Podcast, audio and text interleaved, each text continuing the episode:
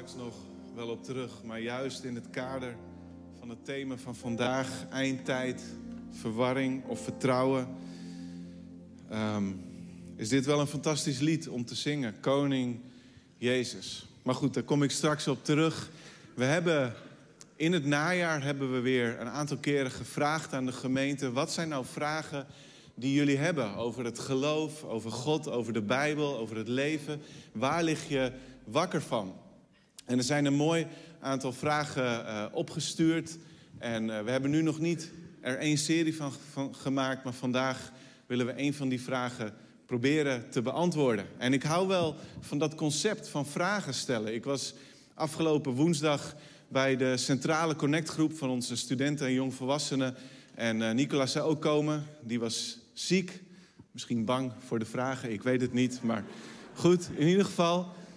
Um, en uh, het was een hele mooie avond. We begonnen met aanbidding en daarna was er volop ruimte gewoon om allerlei ingediende vragen, maar ook spontane vragen te stellen. En we hebben het daarover gehad, of tenminste, ik heb vooral geprobeerd om vanuit de Bijbel, vanuit mijn leven met God, vanuit mijn persoonlijke leven, heb ik geprobeerd die vragen te beantwoorden en richting te geven.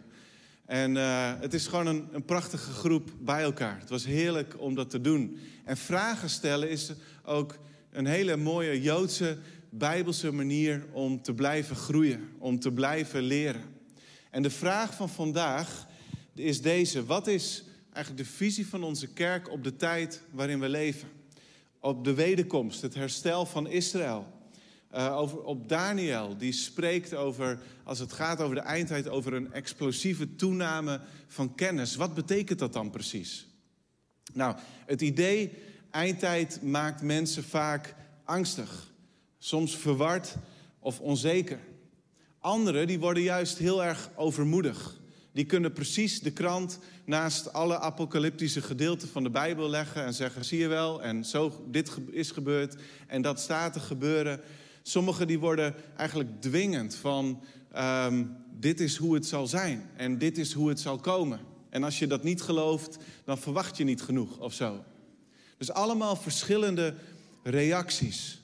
Alleen al gedurende mijn leven, en ik ben nog maar 39 jaar jong, zouden er verschillende momenten zijn geweest dat Jezus terugkwam en dat er een einde kwam aan de wereld zoals we die kennen. Allerlei profeten die tot op het jaar of tot zelfs op de dag wisten, dan gaat het gebeuren. En de volgende ochtend werden we wakker en de aarde stond niet stil en we leefden verder. En sommige van die voorbeelden zijn van een paar jaar geleden, andere tien jaar, twintig jaar geleden. Maar profetie valt nog niet mee. En ik las deze week las ik zo'n church sign. Dat is zo'n bord bij kerken die veel kerken in de VS nog hebben. En daar moest ik wel een klein beetje om lachen. Daar stond op dat bord profetenschool geannuleerd wegens onvoorziene omstandigheden. Profiteren is niet gemakkelijk. Um, maar goed, het meest bekende apocalyptische boek van de Bijbel is Openbaring. En in het Grieks heet dat ap apocalypsus. Dus ja, daar komt ons woord apocalyptiek komt daar vandaan. Ik moet het niet te vaak achter elkaar zeggen. Um, en um, ik, ik zal het voorlezen. Openbaring 1, vers 1 tot 3. Openbaring, apocalypsis van Jezus Christus, die Jezus dus van God ontving. Om aan de dienaren van God te laten zien wat er binnenkort gebeuren moet. Hij heeft zijn engel deze openbaring laten meedelen aan zijn dienaar Johannes. Johannes maakt bekend wat God gesproken heeft en waarvan Jezus Christus heeft getuigd dit heeft hij allemaal gezien. Gelukkig is wie dit voorleest en gelukkig zijn zij die deze profetie horen en zich houden aan wat erin geschreven staat. Want de tijd is nabij. Nou, dat woord openbaring, dat betekent letterlijk onthulling. Er wordt onthuld, er wordt openbaar gemaakt dat wat tot op dat moment verborgen was. Wat nog niet helemaal duidelijk was.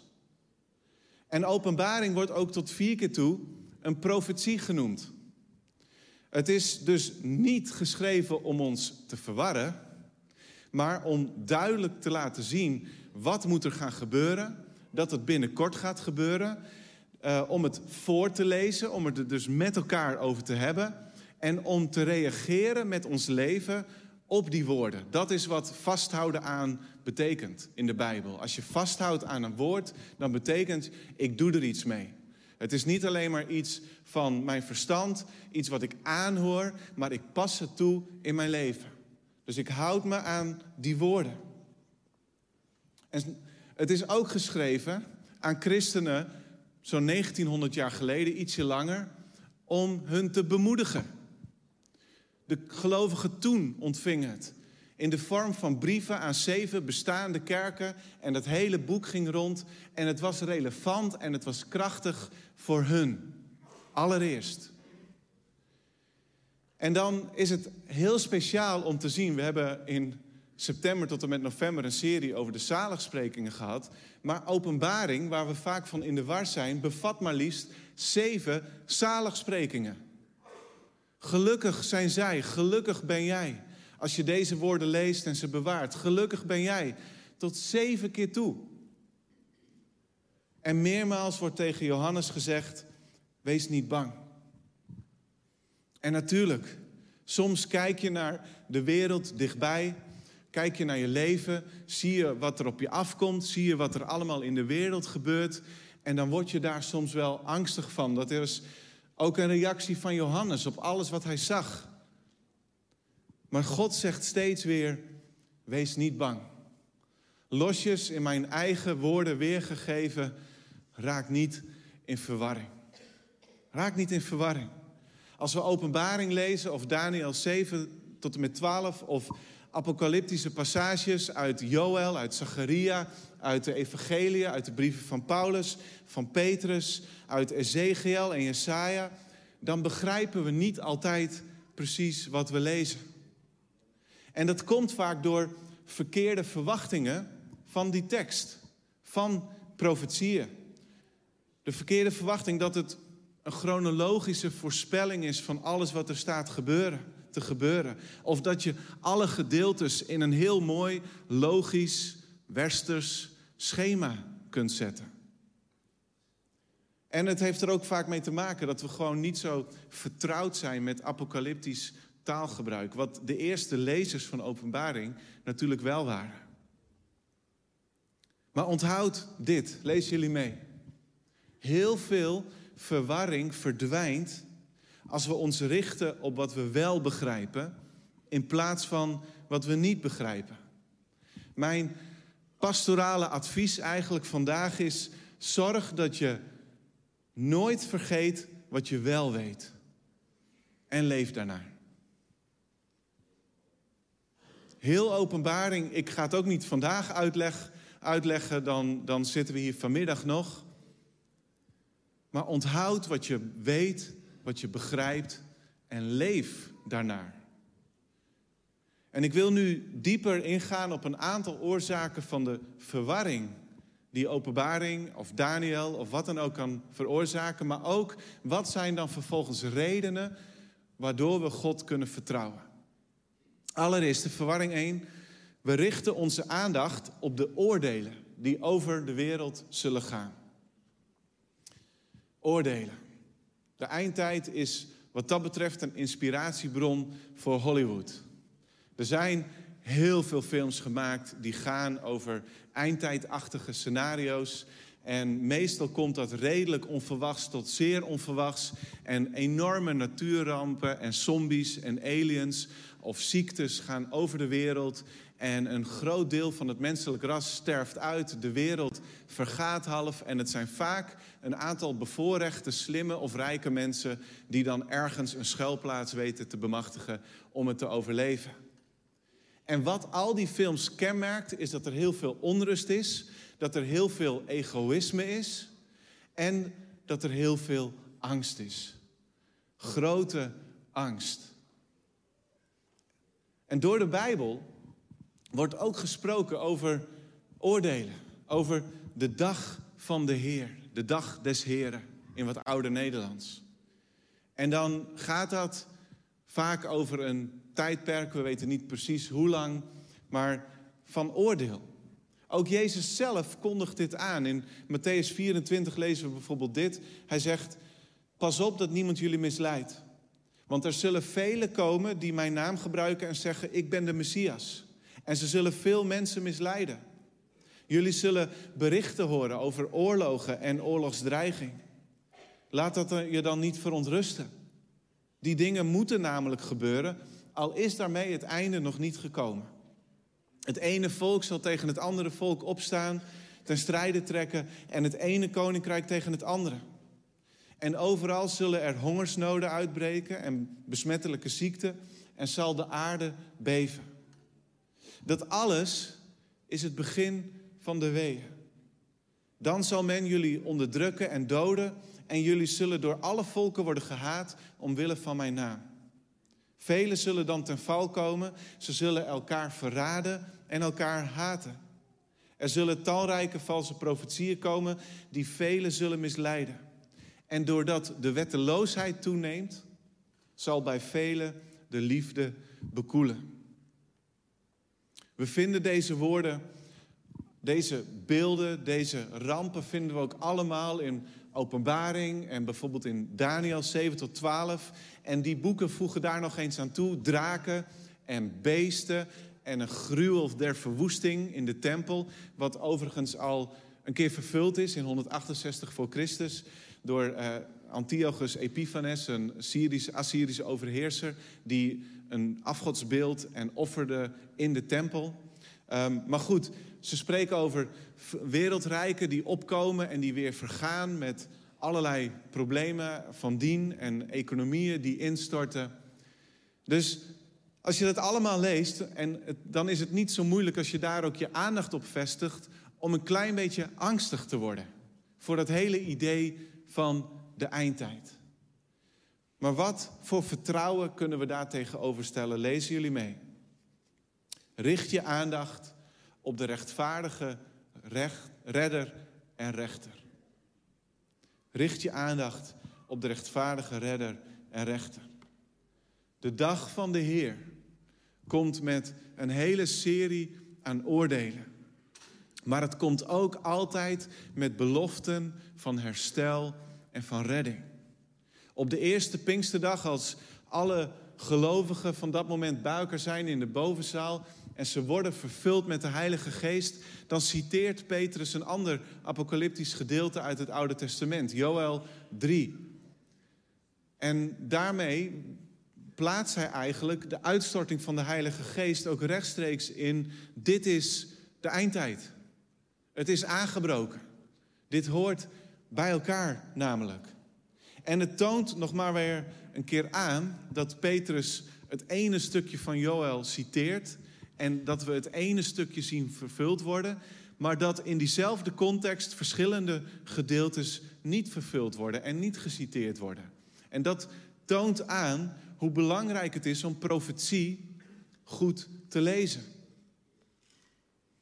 Door vele, of sorry, het, um, wat je ziet is dat wat dicht bij elkaar blijkt te liggen, dat dat soms heel ver uit elkaar ligt. En heel veel Bijbeluitleggers gebruiken daarvoor het beeld van bergen. En ik ben daar zelf ook helemaal mee eens. Profetie werkt als het afrijden op bergen. Vanuit de verte zie je bijvoorbeeld twee toppen of meerdere en die lijken vlak achter elkaar of vlak naast elkaar te liggen.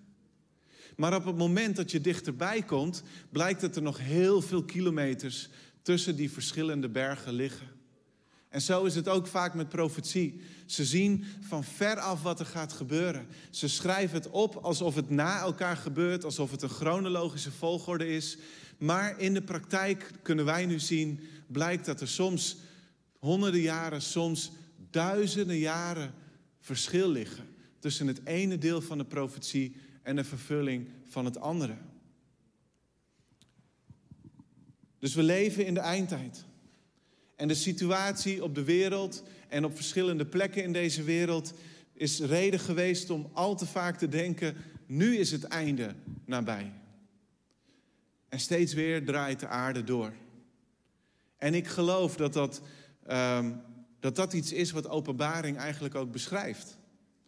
Het is soms chronologisch, maar niet overal. Daarvoor zit er te veel herhaling in. En het lijkt er meer op dat openbaring een aantal grondpatronen van de geschiedenis beschrijft, die zich weer herhalen en die steeds intenser lijken te worden. Openbaring ook is niet een neerslachtig boek. En dat heeft er volgens mij mee te maken dat het niet het meest belangrijk is wat we moeten weten over de eindtijd, hoe erg het wordt. Maar het meest belangrijk is op wie kunnen wij vertrouwen.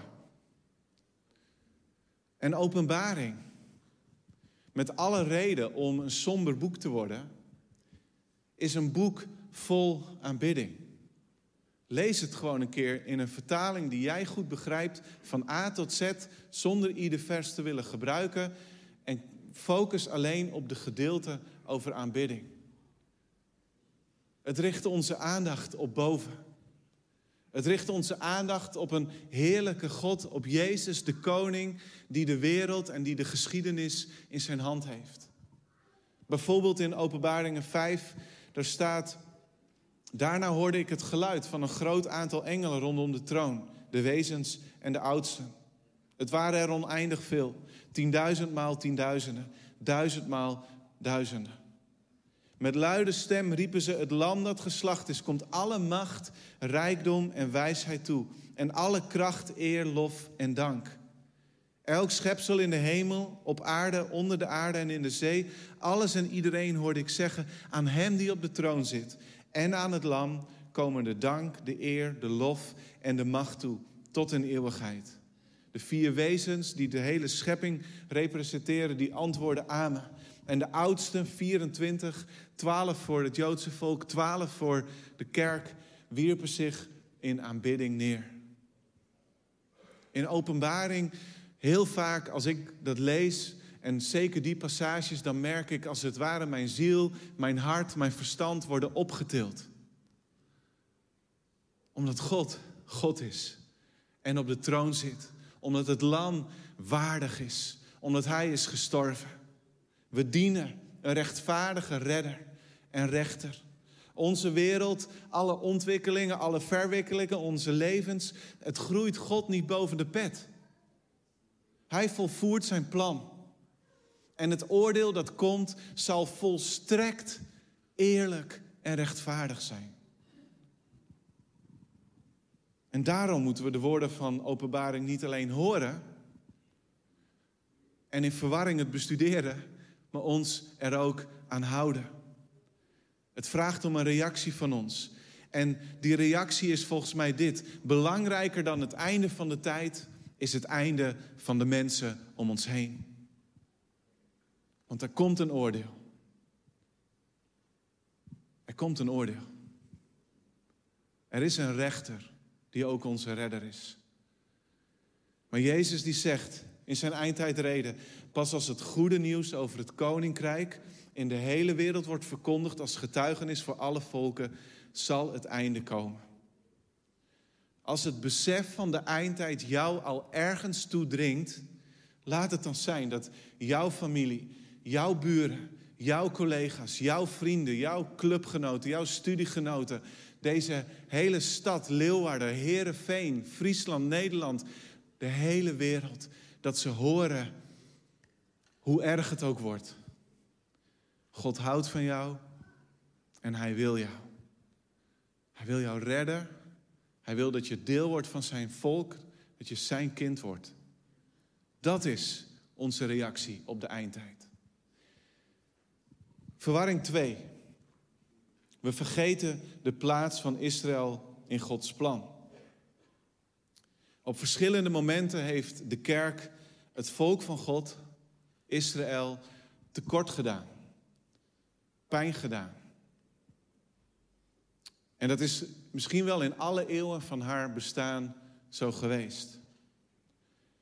En het is goed om daar soms, en in de afgelopen week van gebed hebben we dat ook gedaan, ook op donderdagavond toen we hier samenkwamen met een groepje mensen om te bidden, om daar schuld over te beleiden. En ik kan er heel veel over zeggen, maar laat ik het samenvatten in twee woorden. Allereerst heel veel gelovigen hebben beleden of die hebben geleefd alsof de kerk in plaats van Israël kwam. En dat Israël had afgedaan.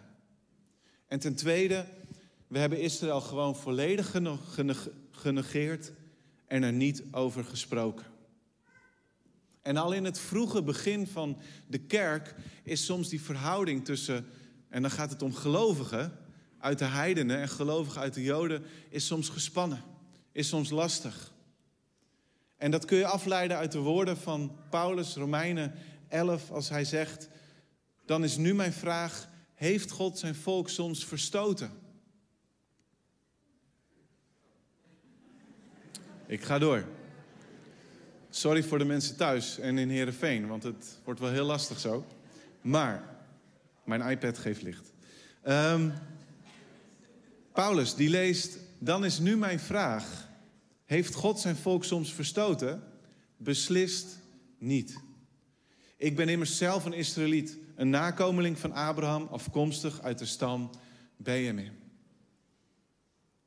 Verwarring op dit punt. Hoe kunnen we God vertrouwen? Lezen jullie mee. Zie Gods trouw door en aan Israël. God heeft zijn volk beslist niet verstoten. Israël is en blijft het uitverkoren volk van God. En wij hebben vaak moeite met de term uitverkiezing, omdat we er niet van houden en het niet eerlijk vinden dat de een wordt uitverkoren en dan dus de ander niet. Dat voelt oneerlijk.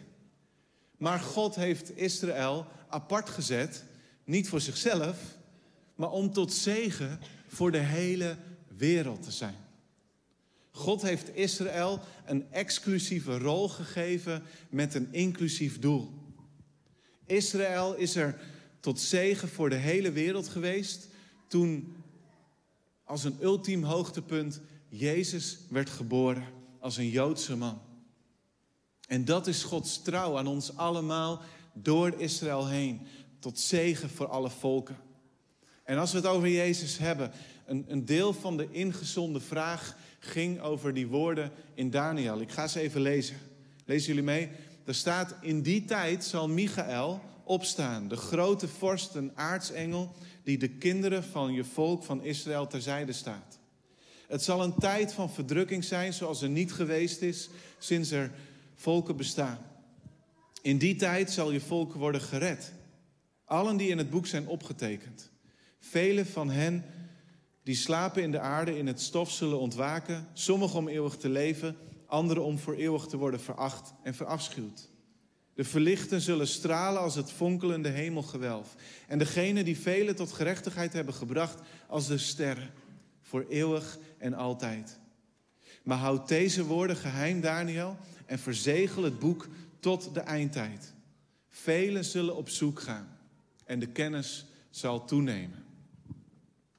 Het interessante is dat we van de hoofdstukken hiervoor, 9 tot 11, dat we weten dat er heel veel behoorlijk gedetailleerd is vervuld. Het is echt gebeurd zoals Daniel dat zei. En dat is heel boeiend, dus ik noem het wel even, maar misschien is dat voor een andere preek. Maar het begin van hoofdstuk 12 verbindt deze woorden met het voorafgaande. En deze woorden zijn nog niet allemaal vervuld van hoofdstuk 12. En het gaat me even om die laatste woorden. De kennis zal toenemen. Wat betekent dat? Sommige mensen denken, naar mijn idee, veel te willekeurig, dat het gaat over een toename van wetenschappelijke kennis. En ik denk niet dat dat in lijn is met het Bijbels taalgebruik. Anderen denken dat het gaat, en dat is op zich wel in lijn met het Bijbels taalgebruik, dat het gaat om geestelijke kennis.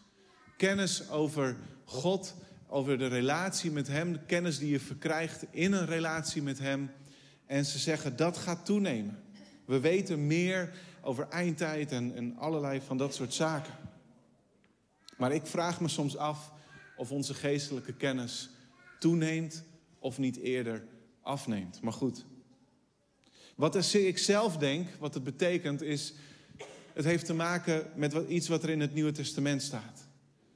We leren in het Nieuwe Testament iets over Jezus, wat de profeten en Peter zegt zelfs engelen begeerden om dat te, te zien. Maar wij hebben het zien gebeuren.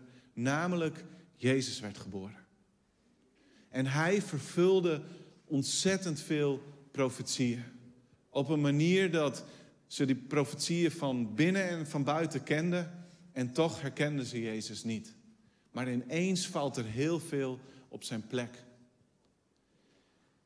En we leren dat Jezus het centrum is van Gods reddingplan. Dat Hij Gods reddingplan uitvoert, ook in openbaring. Daniel moet zijn profetie nog verzegelen, wat betekent wat erin staat is waar. En dan zegt dominee Niek Tramper, die zegt het beter dan ik het zelf zou kunnen zeggen. Maar dit zou ik ook willen zeggen. Hij zegt het wordt opgesloten, verzegeld, tot aan, totdat God aan het einde van de tijd, of liever in de volheid van de tijd, een nieuwe sleutel aanreikt om het te begrijpen.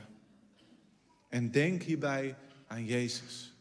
Aan de opgestaande Heer die het verstand van de discipelen opent om de weg van de Messias te begrijpen. Lees jullie mee, Lucas 24, er staat, daarop maakte Jezus hun verstand ontvankelijk voor het begrijpen van de schriften. In Jezus begrijpen wij het Eerste Testament veel beter. Jezus opent het verstand van de discipelen en ik denk ook van ons, door de Heilige Geest onder andere, om het beter te begrijpen. Dus er is een toename van kennis die er is, die er is gekomen ehm, door Gods trouw, door Israël heen. En er is ook Gods trouw aan Israël. Dat is ook belangrijk. Ik zal me nooit wagen aan voorspellingen over de dagen, over de jaren waarin uh, Jezus terugkomt. Um, ik hou er rekening mee dat het misschien nog wel heel lang kan duren en dat het ook heel snel kan gaan. Maar toch is er iets, dat moet ik wel zeggen, wat onze tijd uniek maakt en heel speciaal.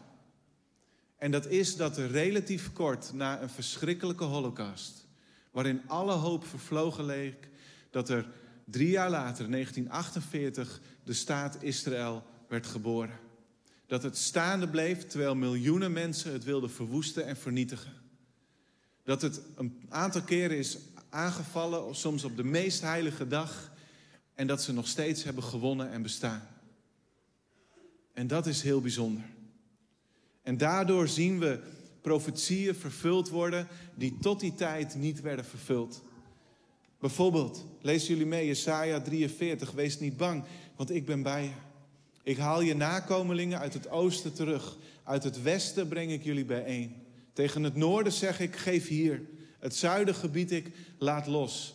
En we zien het allemaal gebeuren. Breng mijn zonen terug van verre. Mijn dochters van de einde der aarde. Of Zacharia 8, vers 7 en 8. Dit zegt de Heer van de hemelse machten. Ik zal mijn volk bevrijden uit het land waar de zon op komt en uit het land waar de zon ondergaat en hen naar Jeruzalem brengen.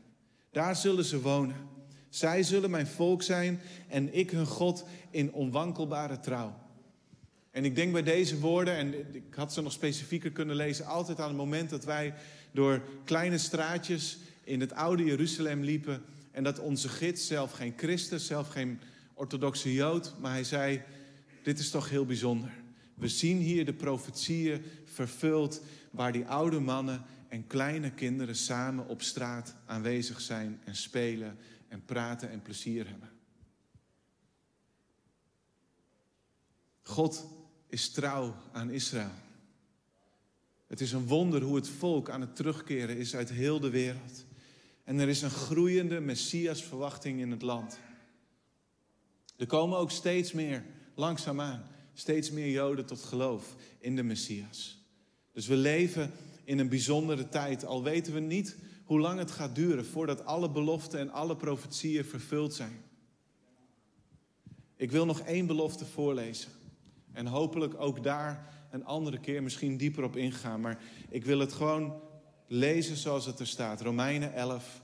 Er is, broeders en zusters, een goddelijk geheim dat ik u niet wil onthouden omdat ik wil voorkomen dat u op uw eigen inzicht afgaat. Een deel van Israël is onbuigzaam geworden en dat blijft zo totdat de andere volken voltallig zijn toegetreden. Dan zal heel Israël worden gered. Zoals ook beschreven staat, de redder zal uit Sion komen en wentelt dan de schuld af van Jacobs nageslacht. Dit is mijn verbond met hen wanneer ik hun zonde wegneem. Verwarring 3. Nog heel kort. Verwarring 3. We willen graag weten hoe lang het nog duurt. We kennen de recente voorbeelden, maar ook Jezus' discipelen hielden zich bezig met die vraag. Wanneer gaat het allemaal gebeuren? Hoe lang duurt het nog tot het einde? En dan gaat Jezus met hun op de Olijfberg zitten, lezen jullie mee, met zijn leerlingen om zich heen. En nu ze onder elkaar waren, vroegen ze: Vertel ons, wanneer zal dat allemaal gebeuren? En aan welk teken kunnen we uw komst en de voltooiing van deze wereld herkennen? En we vinden het net als de discipelen soms lastig om te blijven wachten. Te blijven verwachten. Zeker nu doordringt dat het echt waar is wat in de Bijbel staat. Duizend jaar is als één dag voor God en één dag als duizend jaar. Dus we hebben niet zo heel veel houvast aan onze kalenderjaren en uren en minuten. Hoe kunnen we God vertrouwen?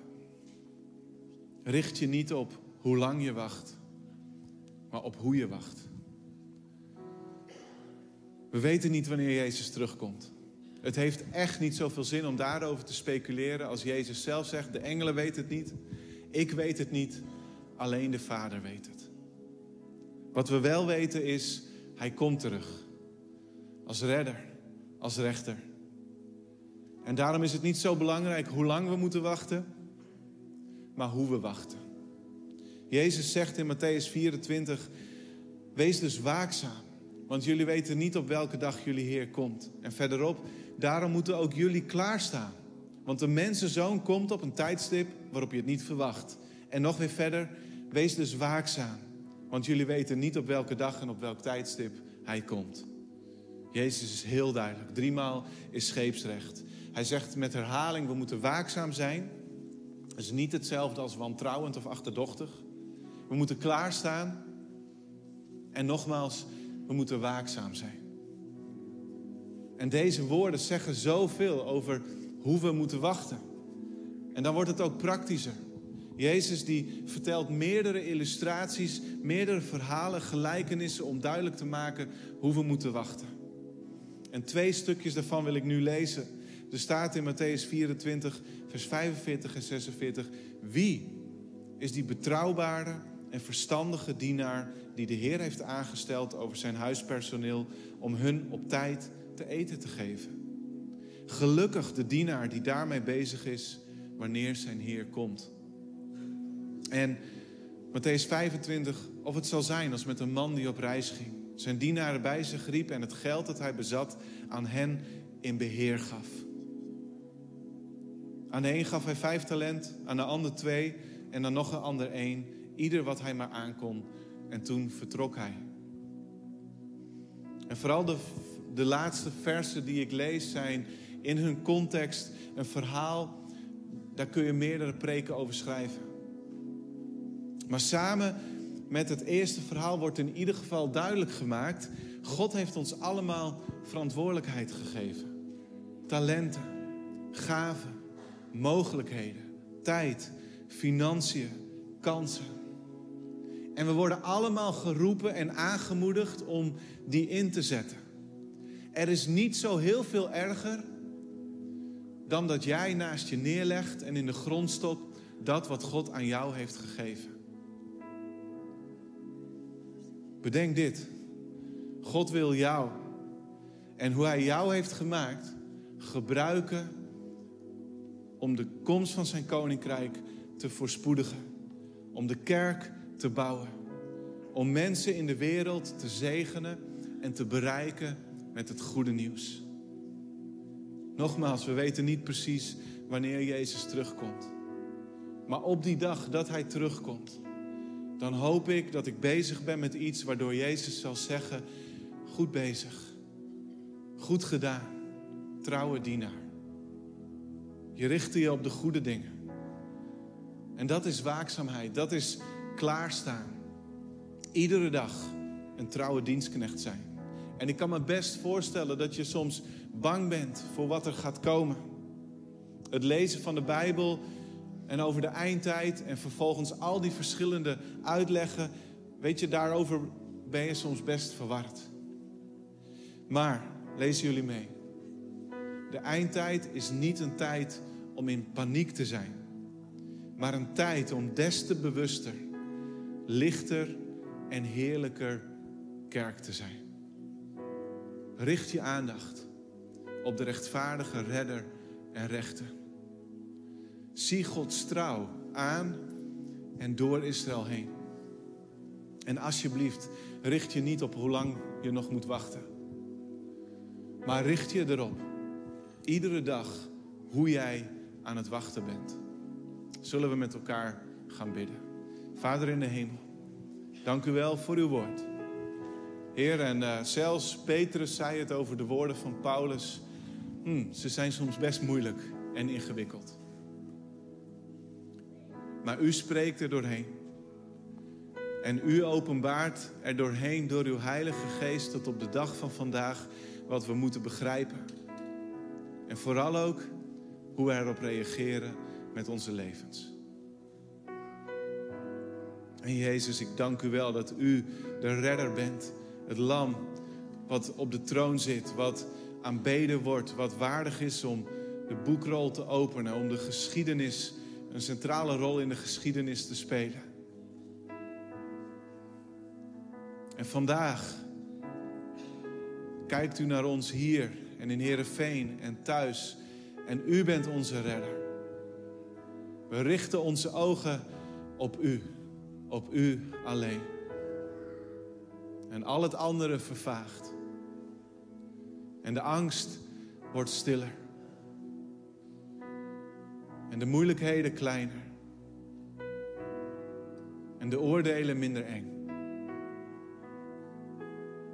Want onze ogen zijn op u en u alleen.